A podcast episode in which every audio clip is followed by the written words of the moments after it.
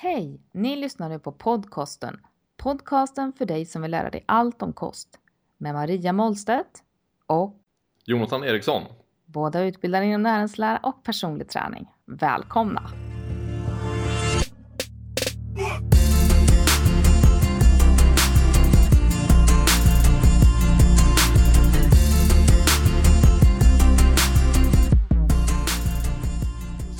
Vi, ska vi hälsa in eh, lyssnarna eller Ja, har vi redan dragit igång det här? Vi, Ja, vi kickar igång här nu. På riktigt. bra, då kör vi startskottet här och nu. Välkomna alla lyssnare. Och eh, ja, Maria, gör din grej med introduktion av avsnittet så... Ja men hörru du, du hade ju en reflektion sa du ju. Kan du dra Okej, den? vi, hopp, vi hoppar rakt på reflektionen. Först Okej. veckans re- reflektion och sen så tar vi veckans ämne introduktion till det. Så Ja, Ordning och reda vet du. Ja. Ja, oj. Ehm, ja, min reflektion är just det här med att folk inte vill ha en gråskala utan att allting ska vara så otroligt svart eller vitt. Och det är ganska passande till dagens avsnitt när vi kommer att prata om socker. Mm. Just det här att väldigt många har svårt att se att det skulle kunna vara på någonting annat, liksom, eh, ett annat sätt än att det ska vara ja, bu eller bä, gift eller bästa någonsin. eh, Liksom, Mm. Det kommer till det mesta. Allt eller inget. Allt eller inget. När man ofta har liksom ett minimum, optimum och maximum så vill de flesta trivs bäst på att ligga på minimum eller maximum. Mm. Väldigt få som tar sig tid att hitta optimum. Och det kommer ju liksom till träning, det kommer till eh, kost, allting. Mm. Det går ju på i sig för mycket eller för lite av eh, vad som helst. Tränar du minimalt då händer ingenting. Tränar du maximalt då skadar du dig. Tränar du optimalt så får du jävligt bra resultat. Mm. Äter du till exempel eh, 0 gram fett, då mår du jävligt dåligt. Äter du 1000 gram fett om dagen, då kommer du troligtvis må jävligt dåligt Mm. igen. Däremot eh, så kan man hitta liksom en sweet spot någonstans. Mm. Och just i sådana fall, varför är det så att folk har så svårt att acceptera annat än svart och vitt? Jag skulle gärna vilja höra lyssnarnas åsikter på just varför det är så lätt att falla in i ja, svartvitt tänkande och varför man har så svårt att hitta ett eh, liksom acceptera gråskalan i vissa ämnen Mm. som man pratar om både inom kost, träning och ja, resterande livet också. Mm. Ja, och som du säger just med, med socker så, så kan det säkert vara så allt eller inget. Men det kan ju också ha sin förklaring det där. Att eh, har man då upplevt ett, ett missbruk, att man gått all in, svart eller vitt Mm. eller vad man nu tycker då, så kanske det är lättare att förhålla sig till eh, det tillsatta sockret som ingenting istället. Att det är svårt att bara Mm. ta en godis, en kaka. Det kan ju också finnas en, Absolut, det köper jag. i just Men, det här eh, fallet. mhm. Sen finns det ju um, massa andra olika situationer och så vidare. Men ja, Ja, jag tror ofta man hamnar lite grann på ett eh, så här, pendulum, sån här du vet, en liten kula som man släpper. ja, Som börjar i en ände och sen far den iväg långt till andra ändan men sen så rör den sig sakta mot mitten. ja, Jag tycker väldigt mycket så här, tankar och idéer man har som hamnar där. Att först så är det så bara, ah, nej nu är ja. typ noll Ah. och sen hela vägen bort till ettan. Mm, Och sen sakta så tickar den fram och tillbaka så man hamnar någonstans i dödläget på 0,5. mm. Lite som träningslusten i januari och nu är vi i april. Och... Ja men precis. Nu, nu ligger den på eh, stendöd för många tror jag. Men börjar väl väckas till liv sakta men säkert. Det är gott om plats i gymmen. Ja, verkligen. Ja, det var väl det som jag tänkt lite grann på. Just det här med eh, hur svårt det verkar vara att förhålla sig till någonting annat än svartvitt tänkande. Mm. Och om någon lyssnare nu då har liksom tankar och idéer kring det här och, och kanske då särskilt till dagens ämne, det vore ju kul, så kan man gå in på vår Facebook-sida. Mm. Dela med sig där. Mm. Så kanske vi Säg kan få ja igång en liten eh, diskussion där till och med. Ja, men det är alltid kul att få in fler. Vi har ju lite åsikter, men sen är det ju många andra som sitter på väldigt många andra åsikter. Och höra allas är extremt givande. Eller tips och idéer och så vidare. Erfarenheter. Mm. Det är kul. Ja, bra. Ska vi, eh, ska jag introducera Ja, ja, veckans absolut. ämne nu då? Nu är det bara att köra. Veckans ämne är socker. Eh, redan i avsnitten om kolhydrater så pratade vi en del om socker. Vad socker består utav och vad som händer i kroppen då vi äter socker. Och har ni missat eh, kolhydratsavsnitten, de är ju två, så rekommenderar vi att ni går tillbaka och lyssnar på dessa först. För nu ska vi prata om socker i mat, varför socker är mer eller mindre bra, eh, om sötsug och sockerberoende. Men vi kommer även blotta en del myter om socker och givetvis, givetvis så kommer ni att bli varse om den senaste forskningen eh, och vad den har att säga om socker. Därför Just därför så kan det vara bra om ni nu har grunden klar. Sockret i vår mat förekommer dels i eh, naturlig form som fruktbär och honung. Eh, några exempel. Men sockret typ vår mat finns ju även i olika livsmedel och då vanligen i tillsatt form. Det där sockret som tillsätts i olika livsmedel för att förhöja en smak, dölja en bismak eller kanske förlänga hållbarheten på produkten eh, finns både i helt uppenbara källor såsom godis, kakor, läsk etc. etc.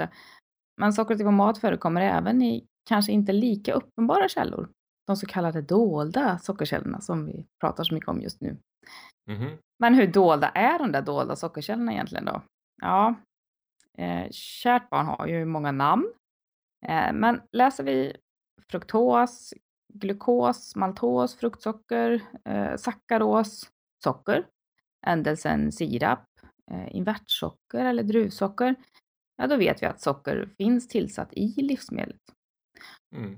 Och står det dessutom eh, nämnt tidigt, alltså högt upp i listan med ingredienser, eh, så är det en större mängd socker i livsmedlet i förhållande till övriga ingredienser, eftersom de listas i fallande ordning. Eh, Men den som vill undvika livsmedel med större mängder tillsatt socker behöver även notera om det i innehållsförteckningen eh, förekommer flera varianter utav det här sockret. Alltså de här olika formerna som jag nämnde tidigare, glukos, eh, sirap, invertsocker och så vidare. Och så vidare. För även om inte sockret står närmt högst upp i listan så kan ju den totala mängden socker i livsmedlet vara ganska stor. Mm. Ja, och den som helt den som vill bli svart eller vit då, den som helt vill undvika tillsatt socker köper ju råvaror då framför livsmedel. Då vet man vad man får. Det vill säga mat som inte har någon innehållsförteckning alls. Mm. Och där, Mm. Vi pratade lite grann om det här med att eh, det kan stå till exempel utan tillsatt socker. Mhm. Men vara till exempel en produkt med eh, ja, frukt eller eh, bär, någonting som är liksom naturligt sött. Mm. Utan tillsatt socker betyder inte alltid helt utan socker. Utan då har man ju socker som kommer från andra råvaror om man säger så. Som de Mm. får ner där ändå. För att jag vet många som köper till exempel kvarg. Brukar försöka hålla sig till kanske kvarg med låg sockerhalt och utan tillsatt socker. Mm. Men om man då försöker att få i sig noll kolhydrater eller noll socker Mm. genom kvargen eller så nära noll som möjligt så blir det här uh, utan tillsatt men med frukt blir uh, rätt fel och man kan tro att det blir alltså mindre kolhydrater än vad man egentligen får i sig. Mm. Nej, man, får, ja, man får vara lite om sig kring sig och i det avseendet så är det väl dolt då. Det döljs lite Mm. grann för oss. Ehm, utan tillsatt socker kan ju även stå sockerfri eller eh, enbart med naturlig fruktos och så vidare. Eller fruktsocker, den är ju fin. Då har man ju alltså lyft ur sötman som finns naturligt i, i frukt och så har man liksom tillsatt det. Och i tillsatt form så blir det inte riktigt samma sak.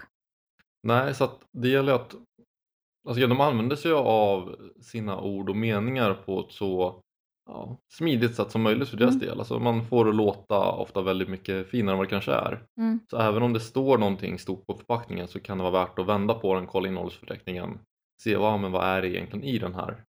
Mm. Är, det, är, det vad jag tror att det är liksom grundat på framsidan eller inte?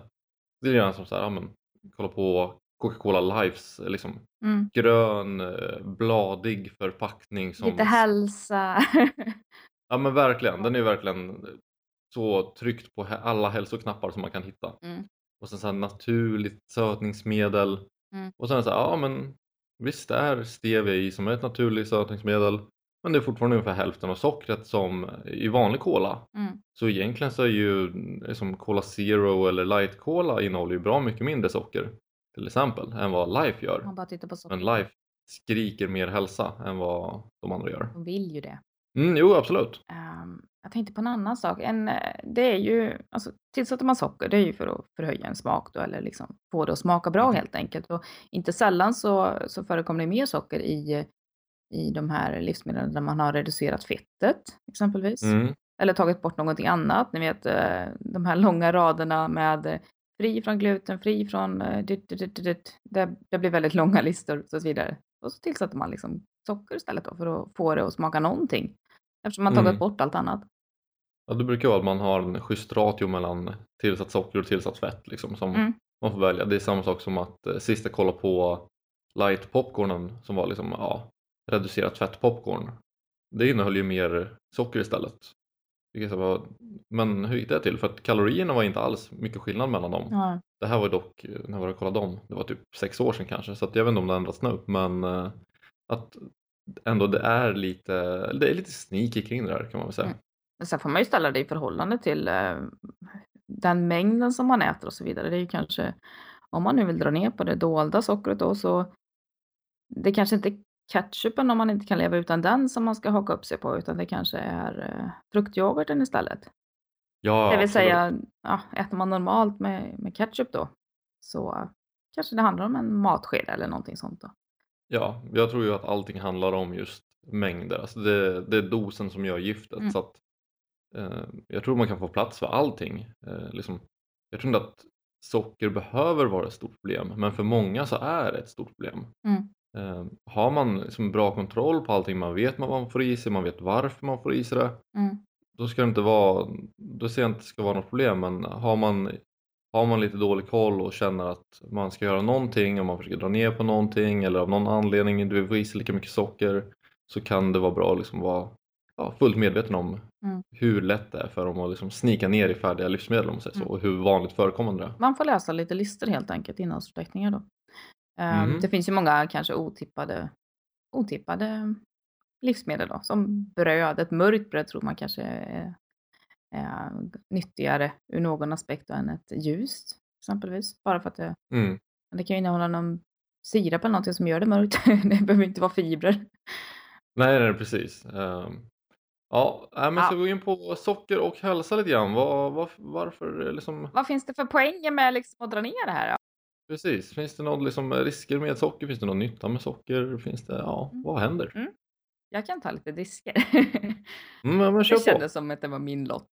Eh, Ja. Något som vi nämnde i eh, kolhydratsavsnittet redan, det är ju för att eh, de här livsmedlen med eh, mycket socker i, de är ju vanligtvis kanske näringsfattiga då, men vanligen energirika då, å andra sidan då. Alltså vad vi kallar för tomma kalorier, i alla fall de är typiska. Och äter man stora mängder av sämre kolhydratskällor då, alltså med mycket socker och sådär, så, så kan det vara svårt att få plats med näringsrik mat. Alltså tillräckligt, få i sig tillräckligt med vitaminer, mineraler, utan att skapa det här energiöverskottet då. Det är väl en, Mm. en aspekt i det hela. Eh, karies är någonting vi får höra ganska ofta. Mhm. Det är väl inte så någon som motsäger sig kanske heller. Vilket kan ge hål i tänderna och så vidare. Dålig munhugg. Ehm, sen så har vi väl det att vi vänjer oss också vid den, vid den söta smaken. Alltså, vi ställer om våra smaklökar lite grann. Så man tycker att Mm. eh, ja, osötad mat smakar inte lika bra längre. Ehm, Socker kan ju även slå ut vår normala viktreglering. Alltså dricker vi något sött och så vidare och så vidare då kan det bli så att vi äter mer. Ja, och överkonsumerar vi så kan vi få övervikt. Alltså det blir som en kedjereaktion då. Det kan bli. Mm. Mm, sen socker förekommer ju vanligen i livsmedel som innehåller så mycket annat skräp. Alltså det är till där för att det är tillsatt för att smakförstärka någonting. Mm. Eh, Däremot får man ju inte blanda ihop det här naturliga sötman som vi hittar i frukt. Det är en helt annan sak, för då får vi ju fibrer, vi får massa mikronäringsämnen och så vidare i samband med att vi Ja. äter frukten som sin helhet.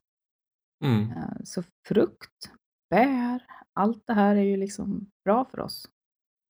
Men när man drar ut fruktosen ur den här och så tillsätter det i någonting annat, då är det inte samma sak, för då får man inte de där fibrerna. Så man får inte kompositionen utav Nej. råvaran då. Nej men det är väl eh, ungefär det va? Det var ganska mycket va? ja, det, fin- det finns lite som sagt. Och sen om man ska vara lite petig så finns det ju vissa intressanta grejer med eh, till exempel fruktos som eh, vi hittar i just liksom, ja, men frukt och grönt. Där kan man hitta att eh, alltså doser upp mot 40 gram fruktos per dag kan hjälpa en att reglera just blodsockervärden, alltså blodsockret. Mm. Så att, att äta socker kan hjälpa till med reglering av blodsocker. Vilket är någonting som många inte riktigt eh, är medvetna om. Och, eh, men liksom väldigt stora mängder isolerad fruktos, alltså taget utifrån frukten utan det andra, kan vara väldigt dåligt för kroppens energi och kan, kroppen kan få svårt att liksom Mm. hantera energi genom ATP. Så att eh, mycket av det handlar ju precis som med antioxidanterna vi pratade om att tar man det ifrån liksom det här naturliga med alla fytoämnen Mm. och så, så kan det bli eh, plötsligt problematiskt. Så att saker kan absolut ha både liksom för och nackdelar beroende på hur man äter det. Mm. Jag skulle också säga att man får inte glömma att jag tror verkligen att all, allting negativt med socker kommer från socker plus kaloriöverskott. Socker i ett kaloriunderskott är sällan jätte, jättefarligt på något sätt så länge man inte får liksom någon sorts näringsbrist men eh, så länge man håller sig borta från det så tycks inte socker i sig vara giftigt på något vänster. Nej. Alltså du, kan inte, du blir inte sockerförgiftad förutsatt att du inte liksom äter dig upp ett väldigt stort kaloriöverskott. Då är det kaloriöverskottet som är problem och att sockret leder till det är också ett problem. Men eh, till exempel, det är inte så att man skulle rekommendera någon som svälter att undvika raffinerat socker på grund av att det skulle vara farligare än svälten i sig. Och du har ju också diabetiker som har du lågt blodsocker som diabetiker så är det självklart man äter första bästa sockerkälla man kommer åt för att där har man liksom inte råd att vara petig. Att vara väldigt kräsen kring vilken sockerkälla man får i sig det är ett, alltså det är ett väldigt så här, stort ilandsproblem egentligen. Ehm, det är bara vi som faktiskt redan mår bra och har det lätt så som har den lyxen att kunna ja, vad ska jag säga, finlira med socker och liksom vad vi får i oss därifrån. Och sen har vi också kortisolsänkningen som man kan få av socker är också ganska positiv och negativ. Det kan ju bli en väldigt så här, repetitiv feedback loop egentligen att ja, man äter socker, sänker stressen och sen när man blir stressad så vill man äta socker för att igen sänka stressen. Jag tror mycket därifrån det här äh, sötsuget och sockerberoendet kommer ifrån. Just, det skulle jag tro är just det här att man länkar sötman till sänkt stress. Och då har ju man att ja, socker kan sänka kortisolnivåerna och det är både på ett positivt och ett negativt sätt då. Då det gör det lättare att man blir hooked på det.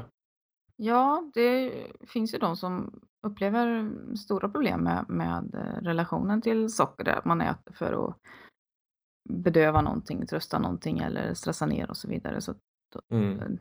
när det är relaterat till ett beteende så, så kan det ju bli bekymmersamt om man inte kan ta tag i Ja, orsaken på, på något sätt.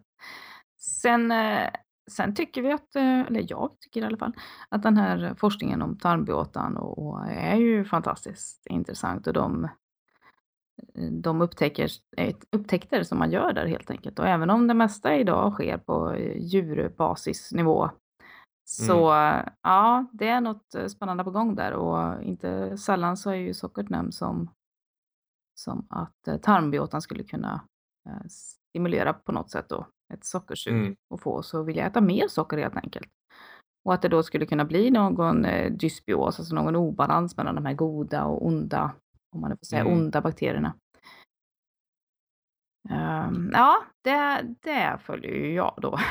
vi, vi förhåller oss till socker eh, sunt båda två skulle jag säga, men, men vi kanske har dratt eh, olika axlar av det. Ja, jag tror också det att eh, liksom beroende på hur, hur stor effekt man kanske tror att det har och vad man vill lägga det på så att säga. Men eh, just det här med tarmbiotan så kan man också se att alltså, socker i isolation är väldigt negativt för en. Men samtidigt, det som är lätt med eh, forskning på djur är att man kan faktiskt tvinga dem att bara äta socker. Mm. Och de kommer göra det. Vi människor äter liksom väldigt sällan socker rent isolerat dag in dag ut. Så hur det sen ser ut, liksom hur det påverkar tarmbiotan på liksom en makronivå när man kan se blandat med annan mat över 24 timmar. Mm. Det kommer bli intressant att se när vi kommit så pass långt i forskningen kring det. Men är det så att man, man eh, tampas med en, med en övervikt så att säga och Mm. eh, vill ta tag i den så är ju att ge sig på sockret ganska enkla poäng att plocka där. Ja absolut. Eftersom det är så mycket energi helt enkelt. Det är så mycket energi, det är ganska onödigt, eh, fyller ingen större funktion förutom att eh, ge en energi. Ja.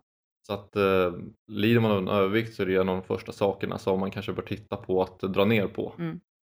För att ja, det fyller ingen funktion ändå. Ja, men det ger ju en stor effekt alltså. Om man då har legat väldigt högt där i de Oh ja. registren. Mm. Mm. Eh, ja, men det var lite grann om socker i mat, vart vi hittade någonstans. Att, att eh, naturlig sötma inte alls eh, ska förväxlas med någonting annat. Ehm, lite om riskerna och nyttan, förhållandena när vi äter socker, vad det som händer. Mm. Sen nämnde ju du det här med sockerberoende och sötsug. Mm. Ehm, det är ju fascinerande också.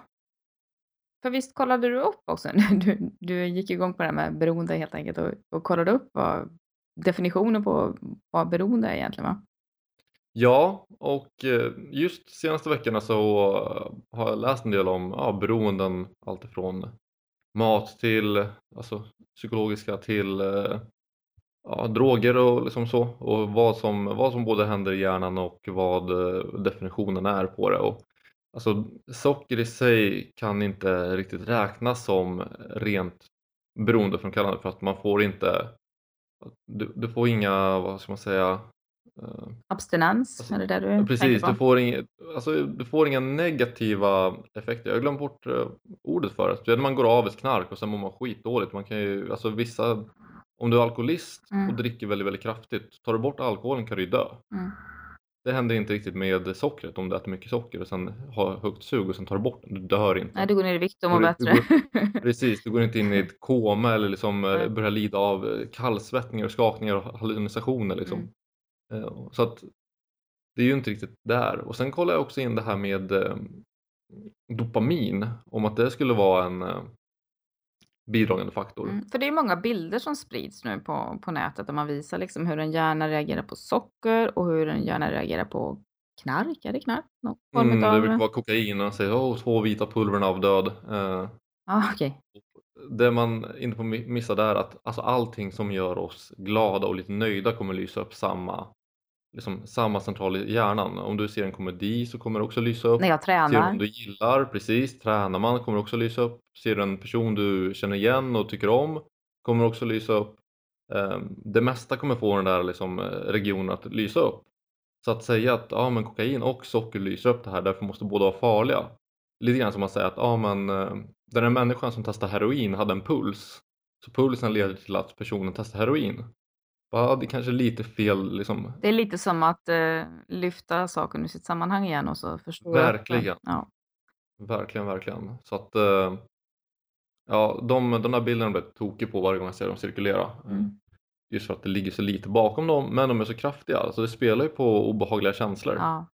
Eh, som väldigt mycket av eh, det som sprids om socker Mm. sprids ju på, alltså med hjälp av rädsla. Det är ju folk spelar på rädslan och det säljer ju. Kan vi se i Fed Up, vi ser i sockerfilmen, vi ser i Lustigs snack om fruktos och liksom hur fruktos skulle vara eh, alla människors fiende och farligaste på jorden. Mm. Allting anspelar på rädsla och säljer man någonting med rädsla så är det lätt sålt. Men det är inte alltid en klar bild utan folk slutar ju tänka rationellt så fort man blir rädd och så bara, ah, nej jag måste sprida till mina vänner för att jag vill inte att de ska dö i sockercancer eller någonting. Ehm, Så att det är tokigt. Sen det här med beroende också. Det, det är kanske få som upplever sig vara beroende av socker i sin rena form. Alltså det är ju ingen som sitter och drar två kilo socker från...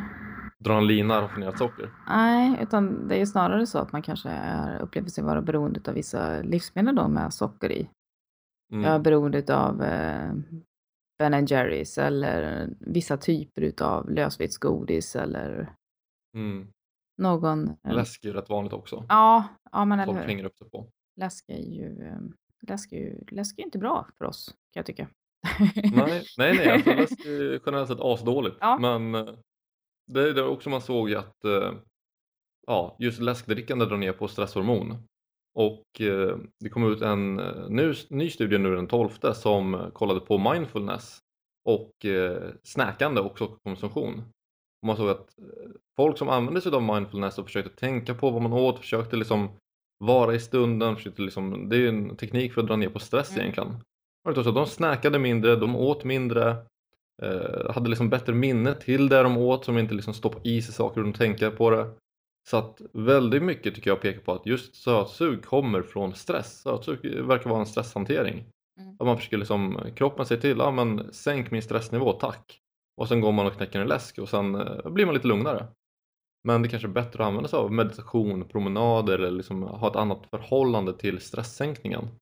Boxas, kanske bara slå sönder en kudde liksom i fem minuter, en timme om det behövs liksom, för att få ner den. Jag vet inte, när, men när man, eh, när man har små, små, väldigt små barn så Mm. ska de få en spruta väldigt tidigt. Mhm. Och då ger man dem en liten eh, sockerchock. Jaha. Man ger dem en liten spruta med en liten sockerlösning i.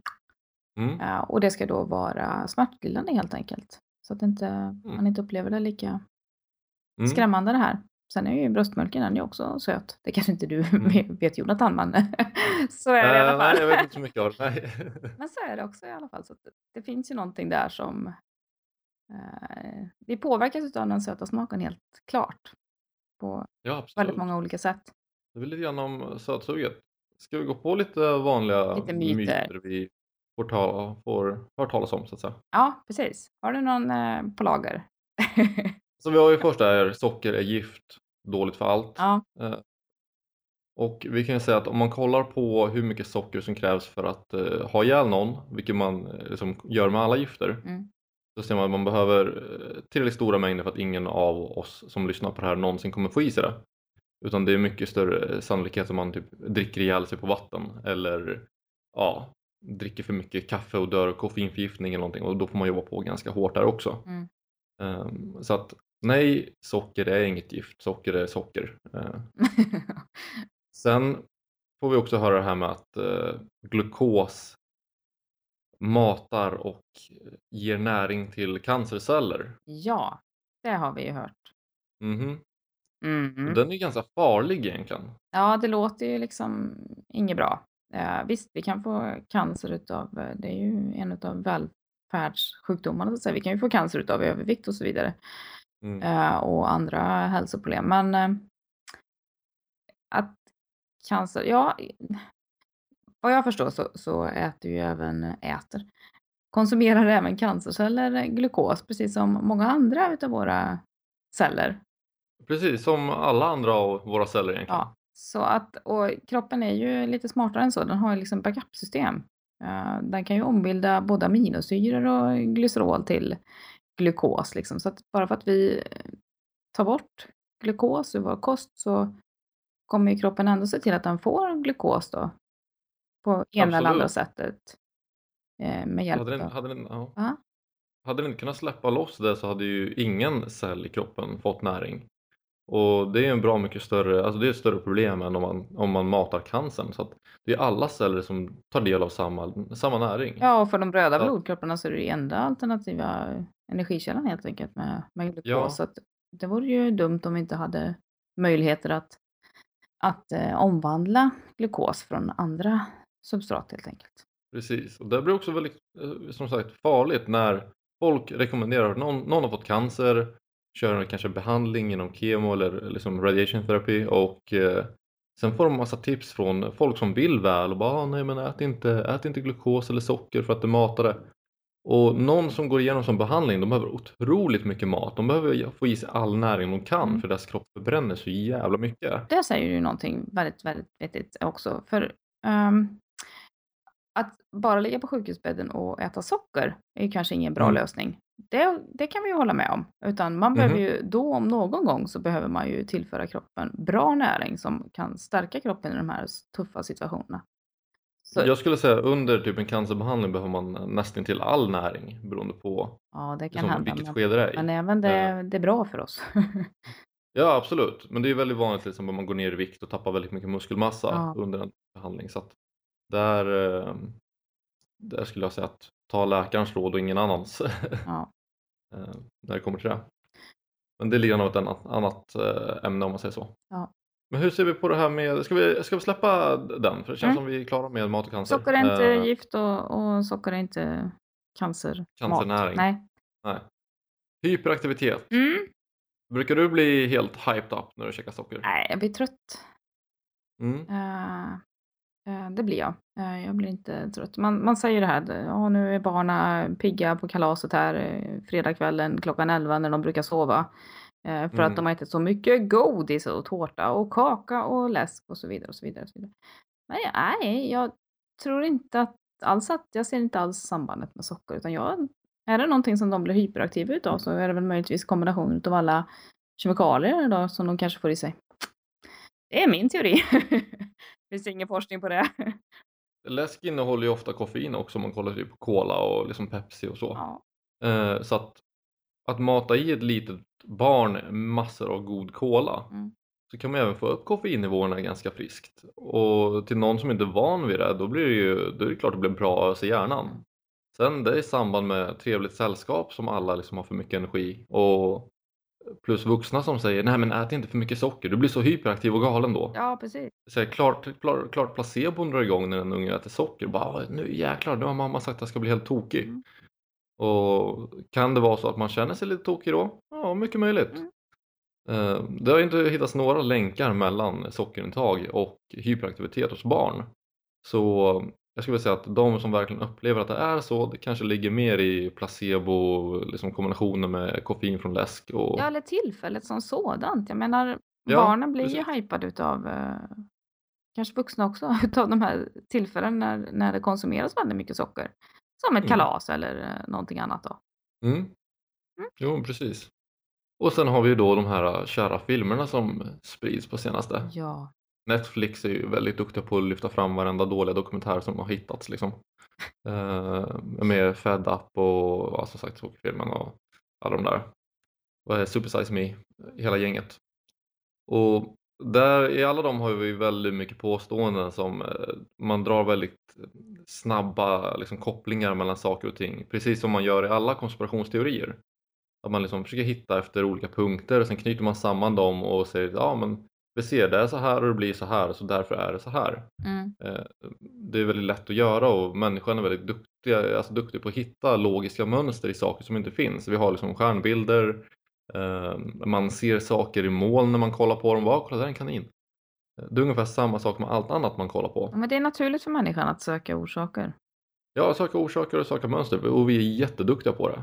Så därför blir det lätt när man kollar på sådana här videos eh, som är väldigt svåra att granska källorna hos och man kanske inte riktigt känner till experten sen innan men det står ja, World famous expert, han kanske fick Nobelpris någon gång för något helt annat och är extremt karismatisk.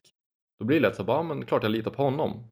Då kan ju någon säga precis vad som helst och det är det vi ofta ser i de här filmerna. Vi vet till exempel att i Fed Up säger de att ja, när den kom ut var det två år sedan så skulle det vara fler folk som dog i övervikt än av svält. Men det var ungefär tre gånger så många som dog i svält det året som i övervikt. Ehm, de säger också att sockerkonsumtionen konstant har ökat sedan typ 60-talet och att det liksom är inte på väg neråt.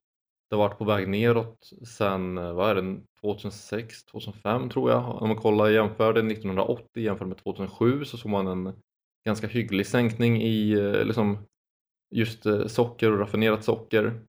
Däremot såg man en ökning i eh, kalorier från både fett och andra kolhydratkällor. Man åt både mer bröd, man åt mer grönsaker, man åt mer fett. Men socker hade gått ner i konsumtion och kalorierna hade ökat med ungefär 600 kalorier per år, 650 kalorier per år. Och alltså inte per år då utan Mm. från 1980 till 2007 tror jag det var. Jag hängde med på den.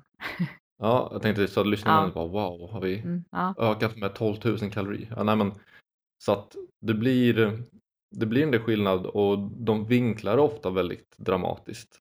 Eh, sen kanske inte är så fullt så dramatiskt i efterhand. Mm. Sockerfilmen, där har vi en grabb som säger att han eh, bara började äta socker utan att höja kalorierna och han gick upp massor av vikt och började må dåligt och allting. Eh, det är ju faktiskt inte, det är inte ens möjligt Nej det går emot alla liksom kroppens lagar. Så att, och sen har de också ja, några så kallade experter som typ David Avocado Wolf. Som är liksom, han är en gammal yogainstruktör som blev känd för att sälja kosttillskott. Han har sagt att choklad är 12 oktaver från solen och att man blir laddad med negativa elektroner om man går barfota på jorden. Vilket ska ja, på något sätt göra en hälsosammare. Så att han är ju full on crazy verkligen. Eh, och de tar in honom för att prata som en expert om socker men han har ingen koll på näring överhuvudtaget. Mm. Eh, så det finns, väl, det finns väldigt mycket hål i det. Så ska man kolla på dokumentärer ska man se till att också söka och se om man hittar liksom någon kritik kring det eller någon granskning kring det. Liksom, vad, vad är det källorna? Vilka är det som pratar i filmen? Har de liksom, vad har de för flutet?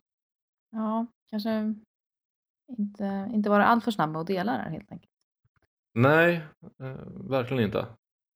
Utan verkligen ja, tänka efter en gång till först. Man skulle inte liksom, det är ju ren propaganda många gånger så att eh, man får passa sig för att man inte blir så känslosam och tänka åh nej, Mm. det här är väldigt viktigt. Det finns ju anledningar att vara lite vaksam mot om man äter väldigt mycket socker och så vidare. Det, det tycker jag. Mm, Det har vi absolut. väl tillräckligt med, med bevis för så att säga. Ja, socker som sagt tillför minimalt bra i alla fall i någon som är frisk liksom. Mm. Någon som är frisk och äter relativt jämnt liksom. Mm. Eh, Det tillför ju ingenting direkt till den kosten Nej. förutom energi. Och energi får vi ofta ge oss tillräckligt mycket av ändå. Men skulle det vara någon lyssnare då som sitter där ute och tycker att man äter lite för mycket socker, hur, eh, har du några råd, kostråd för hur man ska gå tillväga? Jag har en eh, två stycken. Ja. Ja, vi har några. Ja. Först är det bara slänga ut all läsk som inte har... Alltså sötningsmedel är okej att ha i läsk. Men innehåller in läsk eller juice, liksom onödigt mycket socker och kalorier, släng iväg den. Det gör nästan ingen någon nytta. Så byt ut allting mot sånt som istället liksom är sötat med sötningsmedel. Sluta äta godis, eh, är väl också om det är så att man har det som en vana. Och eh, försök att kontrollera lite grann, försöka byta liksom livsmedel mot råvaror så brukar man få bort Mm. det mesta som stökar till det skulle jag säga. Mm. Man börjar laga sin egen mat helt enkelt. Mm. Ja, då ser man ju också doser och förhållanden och, och kan uppleva smak på ett annat sätt än, Ja, absolut. än det här söta.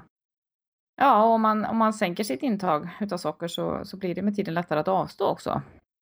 Mm. Eh, Så är det faktiskt. Eh, Jag kan säkert upplevas extrem för egen del. eh, eh, Med de axlarna som jag har dragit och så vidare. Men eh, och nu har jag varit nästan, nästan helt utan socker i en längre period. Så jag tycker att de där livsmedlen de smakar ju kemiskt och jättekonstigt.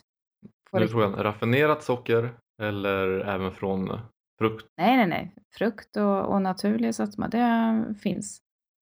Mm. eh, finns representerat. Det är inte så att jag tar bort eh, frukt eller bär eller någonting sånt. Men, men däremot så är det inga livsmedel. Ja, och skulle jag äta någon sockerbit eller sådär, sockerbit säger jag, men eh, godisbit då, så tycker jag att Mm. det smakar jättekonstigt faktiskt. På riktigt. Det är samma här. Jag, jag äter väldigt eh, sällan översötade grejer.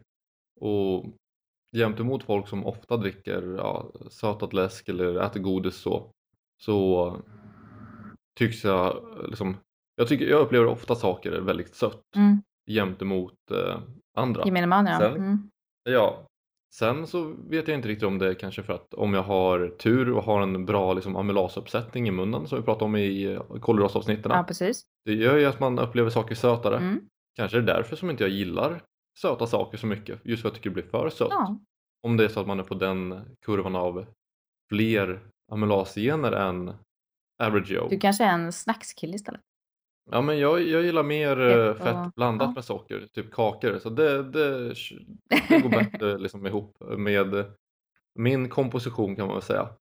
Men jag tror också det kommer variera mycket just så här, hur mycket man behöver äta för att till exempel få socker. Någon som har väldigt få amylasceller och liksom, eller gener eh, kanske måste äta väldigt mycket mer sötma och socker för att få samma smak.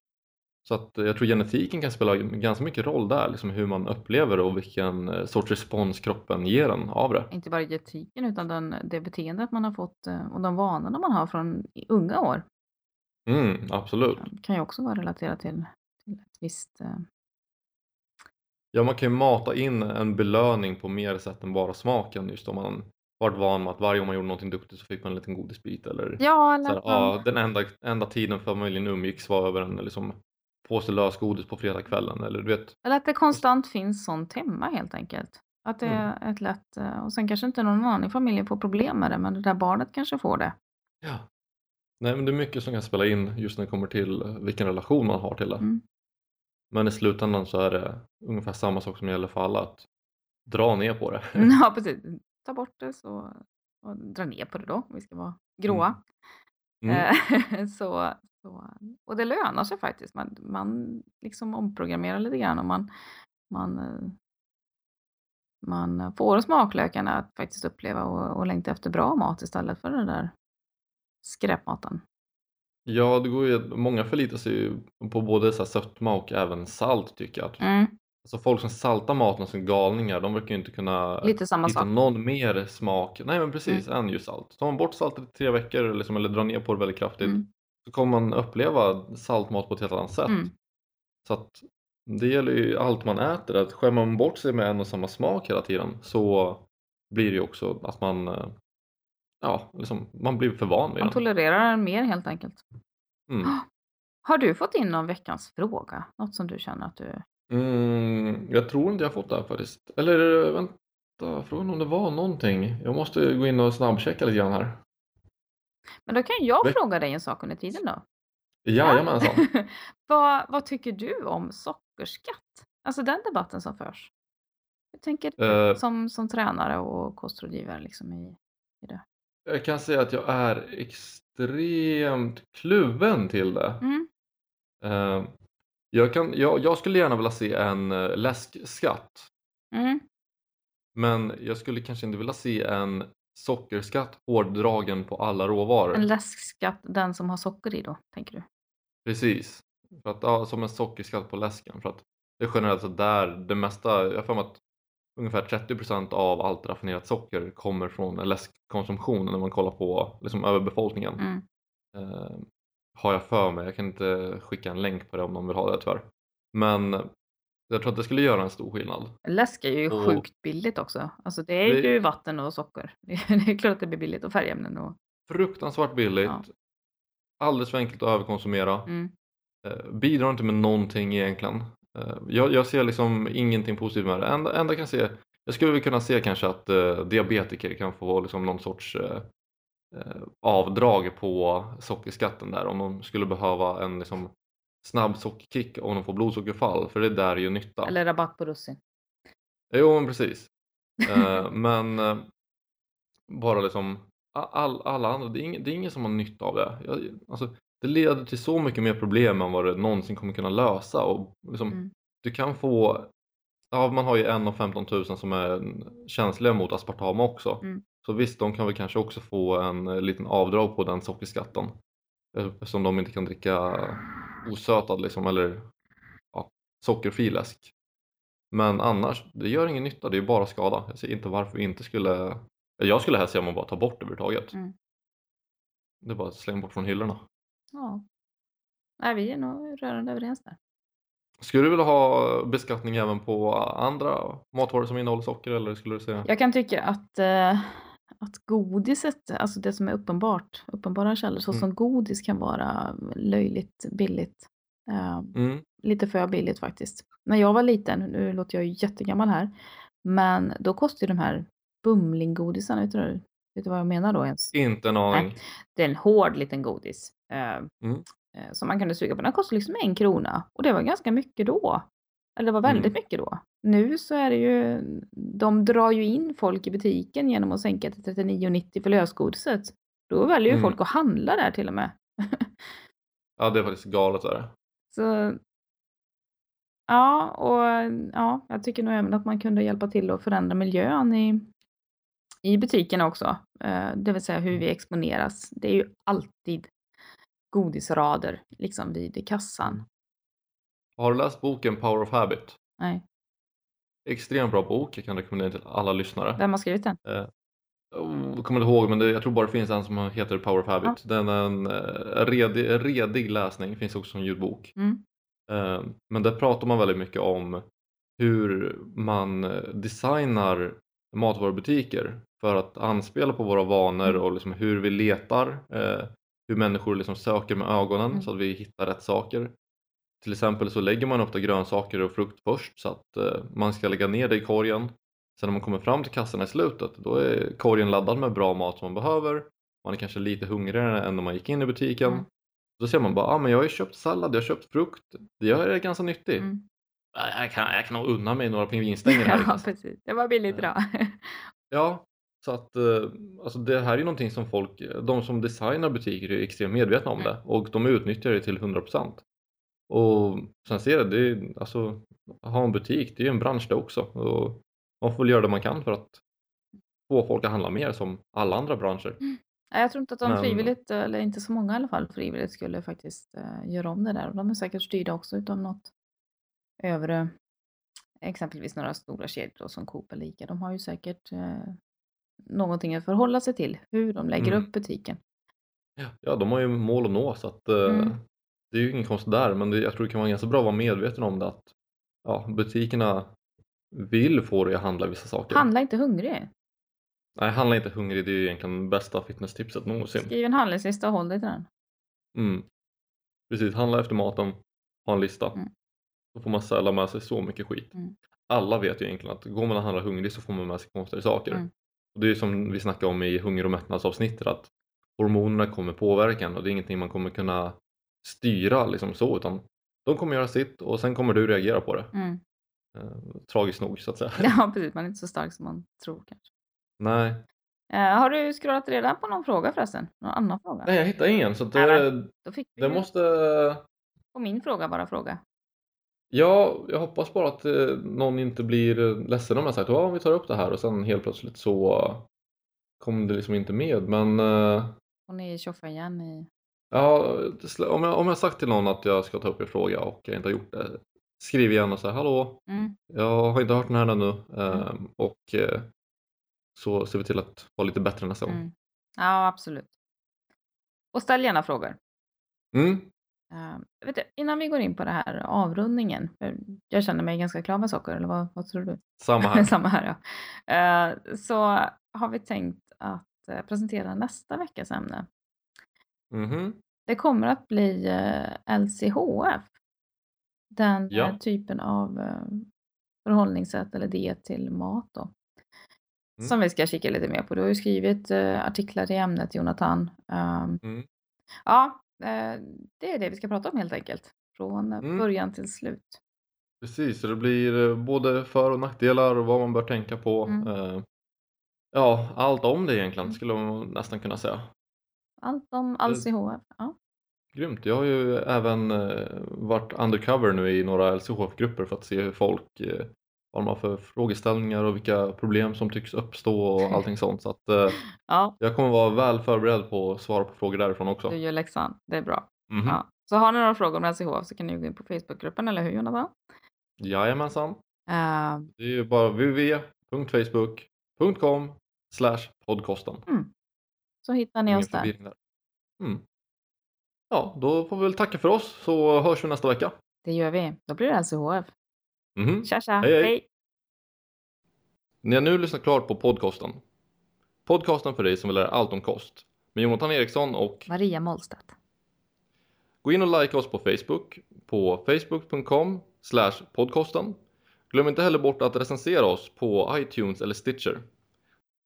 Inte bara är det jätteroligt för oss att läsa din recension, utan det hjälper också, också att nå ut till fler med vår podcast.